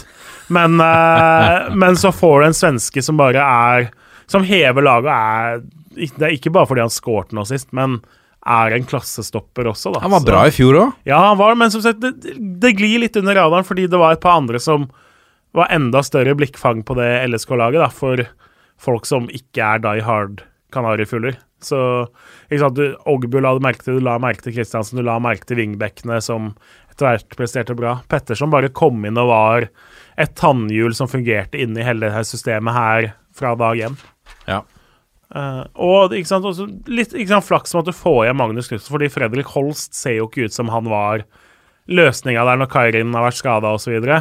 så at da Knutsen kommer tilbake på lån, f.eks., gjør at man da går fra å ha et lite problem der på hvem som skal spille sammen med Matthew, til at du bare har får en glimrende spiller nesten gratis tilbake, og som kjenner klubben og er vokst opp der og kjenner systemet og alt sånn. Så litt flaks øh, med at han også kommer tilbake der. Ja. Dette er toppfotball. Så har vi jo fått inn masse lyttspørsmål. Vi har tatt noen allerede. F.eks. fra Andreas Bryn. Vi har snakket litt om godset, Andreas. eh, Og om uh, cupen. Og han takker oss for at vi podder om vår fantastiske ball. Takk til Andreas og til alle de andre for at dere sender inn spørsmål. Det gir en, eh, et perspektiv, en, en, eh, hva skal vi si, en, en variasjon i hva vi kan prate om. eh, fordi vi får f.eks. et spørsmål som vi har fått fra Stig André Lippert, som spør kan treff klare seg, Jørgen Kjernås. Ja, så klart du kan det, men det, nå er det jo litt sånn også der på den Og da, og da snakker vi PostNord avdeling. Nei, de er jo NFF har jo glemt dem, så de er jo ikke i noen liga lenger, treff si. Eh, de, de, de spiller mot treff 2 og treff 3 og treff junior i år, fordi det var eneste stedet NFF fant plass til dem. Innecup. Eh, rett og slett en god gammeldags uh, innendørsturnering i romjula. Nei, andredivisjon avdeling 2, og de starta jo da med å skåre fem mål borte mot Brattvåg og ta dem fullstendig på senga og vinne 5-2 der. Fortsatte jo da med å slå eh, Bærum hjemme. Så ok, så ble det tap mot Gjøviklin, og så ble det 1-1 borte mot Eidsvollturen nå. Så de har jo da syv poeng på fire kamper. Bra. Det var jo et lag flere av oss trodde skulle ende kanskje helt sist. Så de har jo da fått i gang mange som har scora mål. Uh, har en del spillere som har fått kjenne på andredivisjonsnivået for første gang og fått uh, Fått en god på en måte, god erfaring og et godt førstemøte da, med en høyere divisjon enn de har spilt i før. Og så er det jo et litt sånn gøy lag når man Fordi det er jo et lag altså, Ok, Vegard Forhen kjenner jo alle til. Plutselig er jo Mathias Mostrøm tilbake nå. Han har jo spilt i to-tre av kampene, kommet inn på deg, ikke sant? Eh, og så har du ikke minst da Jan Ove Vik, en av tidenes legender i norsk fotball. Eh, kjent for veldig langt hår og veldig kort shorts på midtstopperplass. Eh, og Maktar Tion har jo vært med i kamptroppen, i hvert fall, selv om det er mest treff to på han. Så det er jo noen legender på det laget i tillegg som gjør at eh, de kan få litt oppmerksomhet fra folk også utafor Molde by, hvis, eh, hvis de gjør det ok. Makta er Tione blir aldri gammel, han. Den ene sesongen han hadde der i Molde, den var, den var noe av det beste som har vært av en enkeltspiller i Eliteserien de siste 25 årene. Han ble årets spiller, gjorde han ikke det? Ja, det må han jo ha blitt. Um, vi tar et spørsmål fra Olai Årdal. Snakk litt om Hønefoss og avdelinga deres. Uh, er det du som har bedt Olai Årdal sende det spørsmålet? Og Ja, nei, det er klart Hønefoss uh, har nå prestert først å tape 5-4 borte mot Molde 2. Leda 4-2 der med et kvarter igjen. Uh, klarer så å tape også for Raufoss 2. Før de slår da den antatt tøffeste opprykksrivalen Elverum hjemme. Og så ender de opp nå i helga med å tape borte mot Hødd 2. Og innrømme at eh, når man tenker tilbake og vet at det er da åtte og et halvt år siden man var i Tippeligaen, som det Det der gang. snakker du så mye om. Åtte og et halvt år, og den klokka di teller opp. Og ny men sesong, så er det, nå er det ni og et ja, halvt år men, neste år. Men at du skal dra Kom til, deg videre, Kjernås! ja, men at du skal dra til Ulsteinvik og tape for Hødd 2, da. Eller tape for Raufoss 2 hjemme. Den er litt kjip, jeg Det svir. Det er litt sånn samme for Ok, Skeid vant begge kampene. Det er ikke så mange år siden Skeid var i avdeling med, noten, nei, med Nesodden 2. Mm. Det er litt sånn Ok, hva, hva, hva, er liksom, hva er det mest obskure møtet eller bunnpunktet for en Skeid-supporter? Så er det sannsynligvis du var i avdeling med Nesodden 2. For Hønefoss så begynner altså tap for Raufoss 2 og Hødd 2 å nærme seg Å nærme seg et bunnpunkt, selv om man ikke tror det fins. Det, det må være litt sånn Jeg så på tabellen nå i, fjerdedivisjon også. Flint, Jon Arne Risses gamle klubb som rykka ned fra tredjedivisjon, hvor de møtte Ørn Horten. Nå møter de Ørn Horten 2. Det er litt sånn Ja, og så fikk de juling av. Sandefjord 2 nå, som jo satser veldig hardt på opprykk. Så klart Flint ender sannsynligvis på annenplass i den avdelinga fordi Sandefjord 2 veldig gjerne vil ta den førsteplassen og kan stille godt veldig ofte, da. Ja. Men eh, nei, la, eh, Ålesund 2 har sett gode ut da i Hønefoss sin avdeling. Det må vi nevne. De har fire seire med ganske ungt lag. Så Skal de opp, Det- da? nei, det tviler jeg på. Eirik Reime Thorberg, hva skjer med Notodden? Hadde litt troa på dem i år. Eh, Nå har vel godeste Melvin Fritzell stått over to av fire kamper så langt, hvis jeg ikke husker feil, som jo skårte enormt med mål for dem i fjor. De har litt sånn samme utfordringene som nettopp Hønefoss på nivå under, at du kommer fra et sted hvor det ikke er liksom kjempekultur, og det gror ikke masse fotballspillere. Ikke, det er ikke sånn Hønefoss og Notodden er grenser for hvor mange fotballspillere som kommer derfra. Eh, og de som blir gode, ikke sant? Er du god i Notodden, så drar du til Skien når du skal starte på videregående. Er du god i Hønefoss, så drar du til Drammen eller til NTG i Bærum når du skal starte på videregående. Så ikke sant? de får opp for få spillere, så må du lokke til deg folk fra andre land og andre steder i, i Norge. Og klare å stable sammen en grei elve, men en tynn tropp, da. Og litt sånn syns jeg det er man ser da for Notodden nå, når da Fritzell, som er en kjempegod spiss, kanskje beste spissen i andre divisjon, når han da er ute, så merker man bare automatisk at OK, du ser over lagerstillinga og tenker dette er ikke et fem, fjerde, femte, sjette, sjuendeplasslag, dette er et tiende, ellevte, tolvteplasslag. Så taper jo nå mot Nå tapte jo sist mot Moss, som jo har hatt en vanvittig flyt og vanvittig start på sesongen med fire seire. Og da er vi igjen tilbake til noe vi nevnte i stad, at det flyt er undervurdert. ikke sant? Moss har trøbla i mange år nå. Vært et bunnlag veldig lenge. Nå har de funnet litt, truffet litt bedre på signeringene. Funnet en formasjon, funnet noe som funker for dem. Og så plutselig da, så vinner du et par kamper. Du får bekreftelsen, du får troa, du får optimismen, du får stemninga. Da kommer du til Notodden og vinner en kamp hvor Fritzell ikke spiller for hjemmelaget. Så det er eh, Ja, fordi hva Ja. skjer med Her er et spørsmål fra André Vautier, som spør Rykker Moss ned igjen? Det er lite som tyder på det foreløpig. er ned blir Det ville vært veldig overraskende nå etter den starten de har. Altså, de har vunnet fire av fire kamper så langt, så det jeg Et nesten mer aktuelt spørsmål er jo rykker Moss opp. Eh, Så er jo så at nei, det tror jeg ikke, men at Moss nå kan gå fra å være bunn fem til å være topp fem, det virker jo mer og mer trolig for hver eneste uke som går.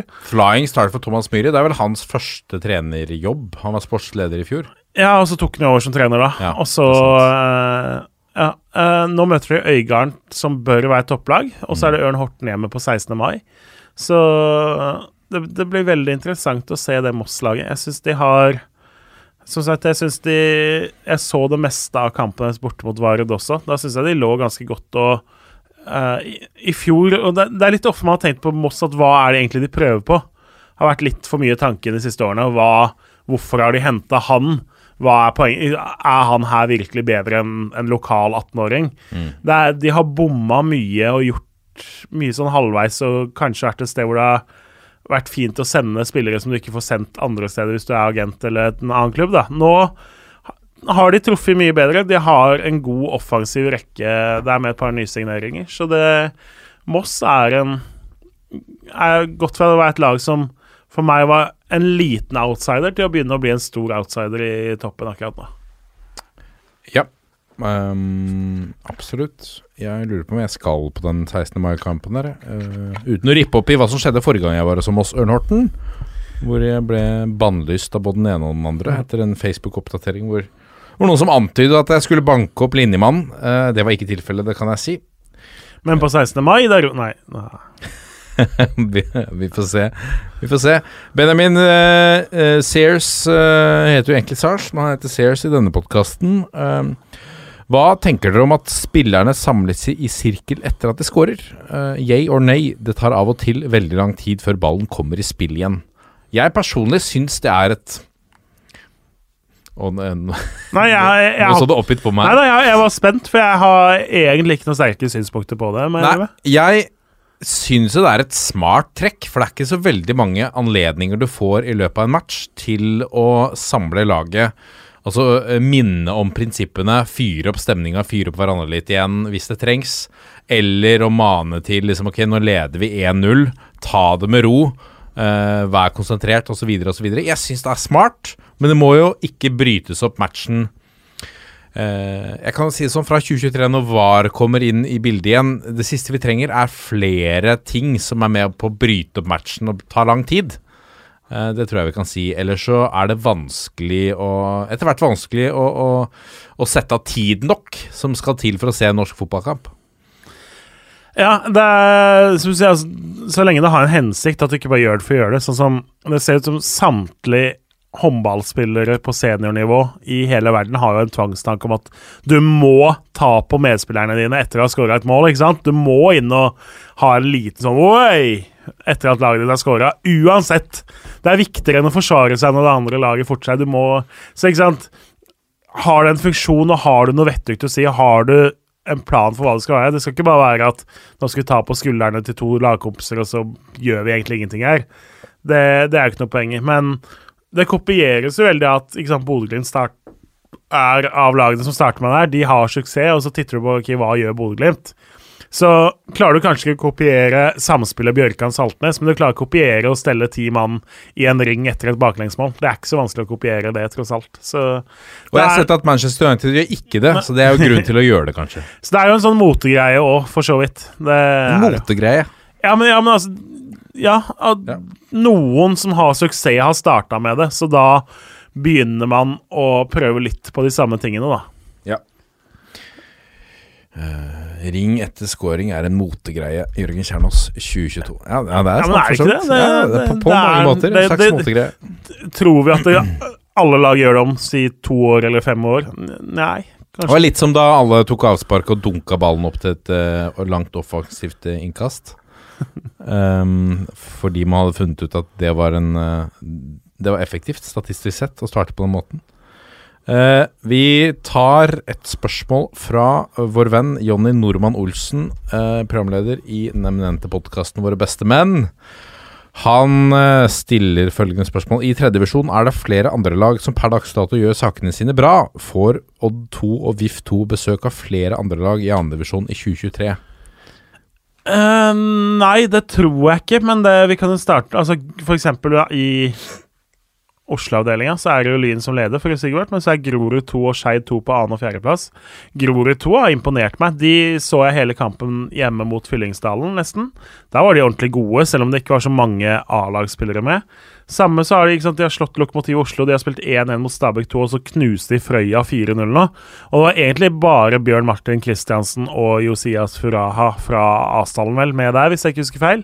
Så Grorud har mange lovende unggutter. Skeid 2 har jo henta bl.a. fra Vålerenga to henta eh, Har en del lovende unggutter, så jeg, jeg, tror både for de som regna med at Grorud og Skeid skulle være bunnlag der, så får man seg en overraskelse. De kommer til å gjøre det ganske godt.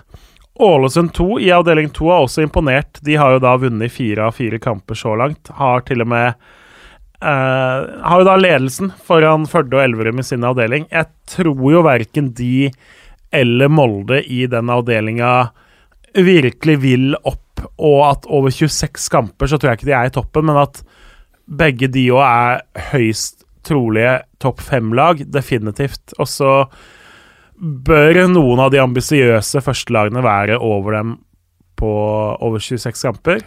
Avdeling tre så har jo Brann 2 starta med fire seire.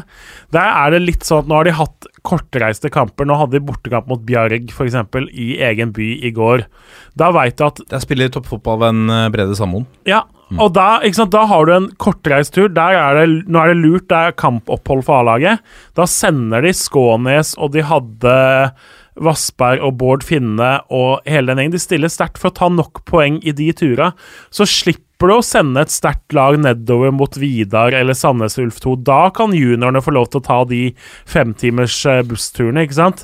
Nice. Stille, stille Det er digg å sitte på buss i fem timer for å bli slakta ned på Østlandet. ass. Ja, ja, ja, men det er jo bare ned til Stavanger, da. Ja, Men ok. eh, uansett, da. Ikke sant? Det er mye Det er mye Det gir mening, da. Ta poeng i de kortreiste kampene tidlig i sesongen, så slipper du hele den der kabalen for å berge plassen. Jeg tror ikke Brann har noen ambisjoner om å rykke opp.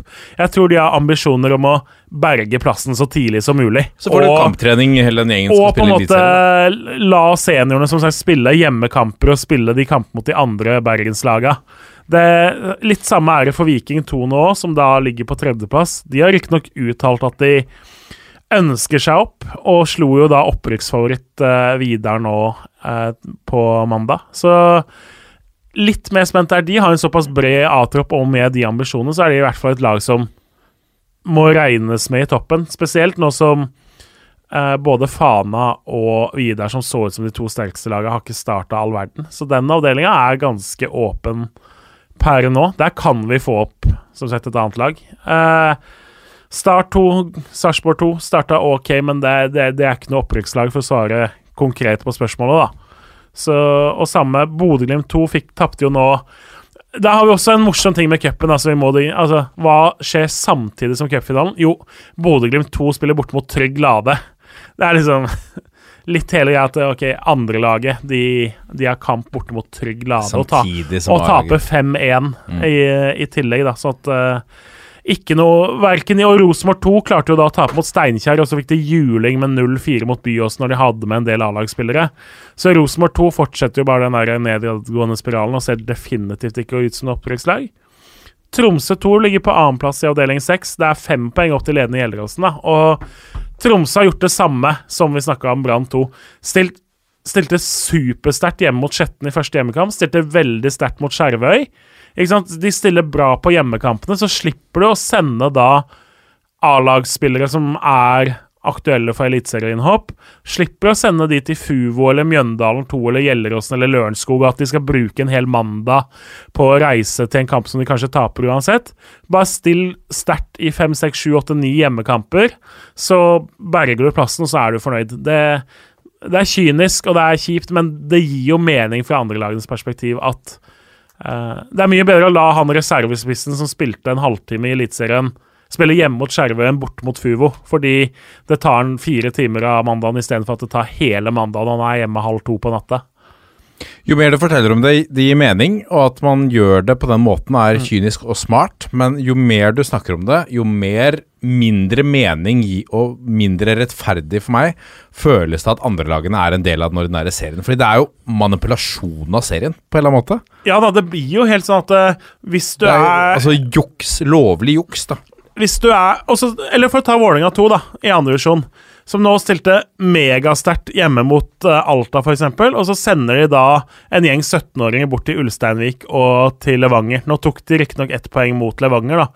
Men det betyr at hvis du kommer fra såpass utkantstrøk som Ulsteinvik eller Levanger er, da, sett fra Oslo, så møter du Vålerenga 17-åringer. Men hvis du da heter Kjelsås eller Asker eller Ullern og får Vålerenga i avdelinga di, så veit du at da kommer det åtte proffer fra Asdalen. Da kommer Ishmael og Laioni og Udal og reservekeepere og ikke sant, Plutselig kommer Tollås inn og skal styre og så videre. Men så Ja, det er urettferdig at uh, sånn blir det, men fra andre lagenes perspektiv gir det mening, ikke sant? Ok. Selvfølgelig, jeg skjønner. Skal, ikke sant? ikke Henrik Udahl Udal happer litt ball i 60 minutter mot Alta eller 80 minutter mot Alta hjemme, når han uansett bare skulle hatt en trening med de andre som satt på benken. Gir mening, men å sende dem til Ulsteinvik, da, som ikke sant? du må ta fly og du må ta buss og du må ta ferge, og det tar hele dagen Nydelig tur, da. ja, jeg, jeg, når vi har hatt spillere i studio Det er vel ikke alle spillere vi har spurt om sånne ting, som har satt veldig stor pris på å få oppleve Levanger og Ulsteinvik eh, opp igjennom. Det er det vel ikke. Nei.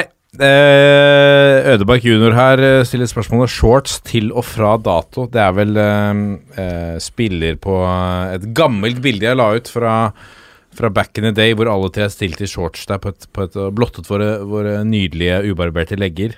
Eh, når starter du med shorts, Jørgen Kjernås, og når pakker du shortsen bort? Har du noe fast eh, ritual på de tingene? Nei, jeg har begynt å skjønne etter hvert at det å kle seg etter kalenderen i Norge, det er en dårlig strategi. Ja. Så, men nå er vi jo Nå er vi jo litt der at det er litt for kaldt på morgenen til shorts, men klokka 11 så skulle du ønske at du egentlig hadde valgt shorts den dagen. det er sant. Det er veldig Så forvirrende. det, det er litt den at akkurat nå så har jeg landa hårfint på buksesiden av den, men Det har vært enklere om man var fotballspiller. Da må du på jobb i shorts, ja, rett og slett. Ikke sant? ja for nikkers er vel kanskje ikke lov lenger. Gode gamle nikkersen. Ikke kom her med nikkers og lua i Eliteserien. da gidder jeg ikke mer. Da kan NRK ta over rettighetene, si. Ehm, skal vi la det være det, da? Det er flere her som sier at vi kommer sjelden i studio. Jeg er helt enig, og det skal vi prøve å jobbe med å gjøre noe med. Ehm, vi gjør vårt beste akkurat der. Dette er jo et bra, et bra, en bra innsats, får vi håpe. Ehm, noe annet vi bør uh, ta på tampen, Kjernås? Eller skal vi si det er greit? Vi har fyra litt denne episoden, men det, er- Nå men det har er vi på en måte spart opp en måned, da. Det er sant. sant. Det var mye agg som kom ut her Ja, nå. da. Det, fikk, det var godt å få komme et sted og få fyre opp mot den første runde i cupen, f.eks. Yes. Det var det, selv om det, den kom ut da 7. eller 8. april, eller når den kom ut. Så det er deilig å få det ut, for det Ja. Ja, til helga er det heldigvis ny runde Uh, i Eliteserien og uh, Obos. ja og som Eh, sagt, for noen kamper, altså Bodø-Glimt, Lillestrøm og Molde-Viking, er jo fantastisk. to meget spennende kamper. Absolutt. Som- En av de er vel mest sannsynlig gullvinneren. Det må det være. Um, Ja, Du får ikke gode odds på at ett av de fire lagene vinner serien, for det er klart uh, Alternativet er Rosenborg, som vi ikke helt har troa på at det er der helt ennå. Eventuelt gå på Sarpsborg og Vålerenga, da begynner du å få brukbar tilbakebetaling hvis du vil gå den veien. det er tynt. Vi er Toppfotball på Facebook, Twitter, Instagram. Alt det der. Send en mail til toppfotball at 451.no med spørsmål og tips. Så må vi avslutte på 1, 2, 3. Vi er en gjeng. Ha det.